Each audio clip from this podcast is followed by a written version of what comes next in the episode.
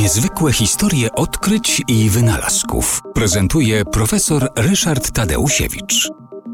Od początku istnienia motoryzacji, od początku budowania różnego rodzaju pojazdów, które e, mogły się poruszać samodzielnie, bez napędu, na przykład w postaci koni, rywalizowały ze sobą napęd elektryczny i napęd spalinowy.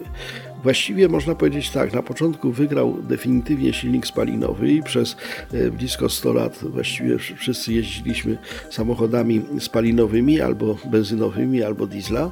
Natomiast e, już na samym początku tego wyścigu e, samochód elektryczny też pokazał pazury. W 1899 roku Belg Kamil Janatzy osiągnął po raz pierwszy prędkość większą od 100 km na godzinę właśnie w samochodzie elektrycznym. Był to samochód zresztą bardzo specjalnie e, wyglądający, bardzo specjalnie zbudowany.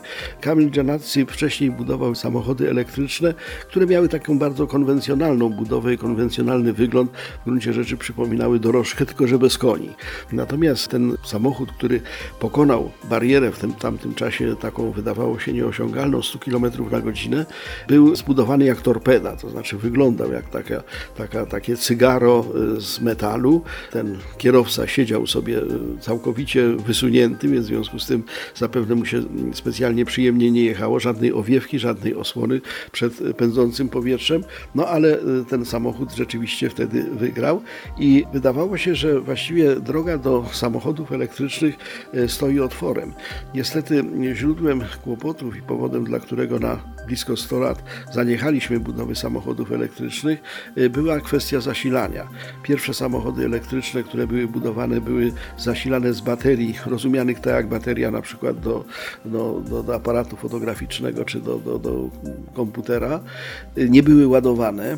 Potem wynaleziono e, akumulator kwasowo-ołowiowy, ten, który mamy w tej chwili w naszych samochodach, ale te akumulatory mają tą wadę, że przy stosunkowo małej pojemności mają dosyć dużą wadę, no bo to jest jednak ołów. W związku z tym e, samochód elektryczny, mając liczne zalety, niestety nie przebił się i jak mówię, przez blisko 100 lat całkowicie ustąpił, ale na początku, na początku wygrał, bo jako pierwszy pokonał szybkość 100 km na godzinę i odbyło to się w 1899 roku.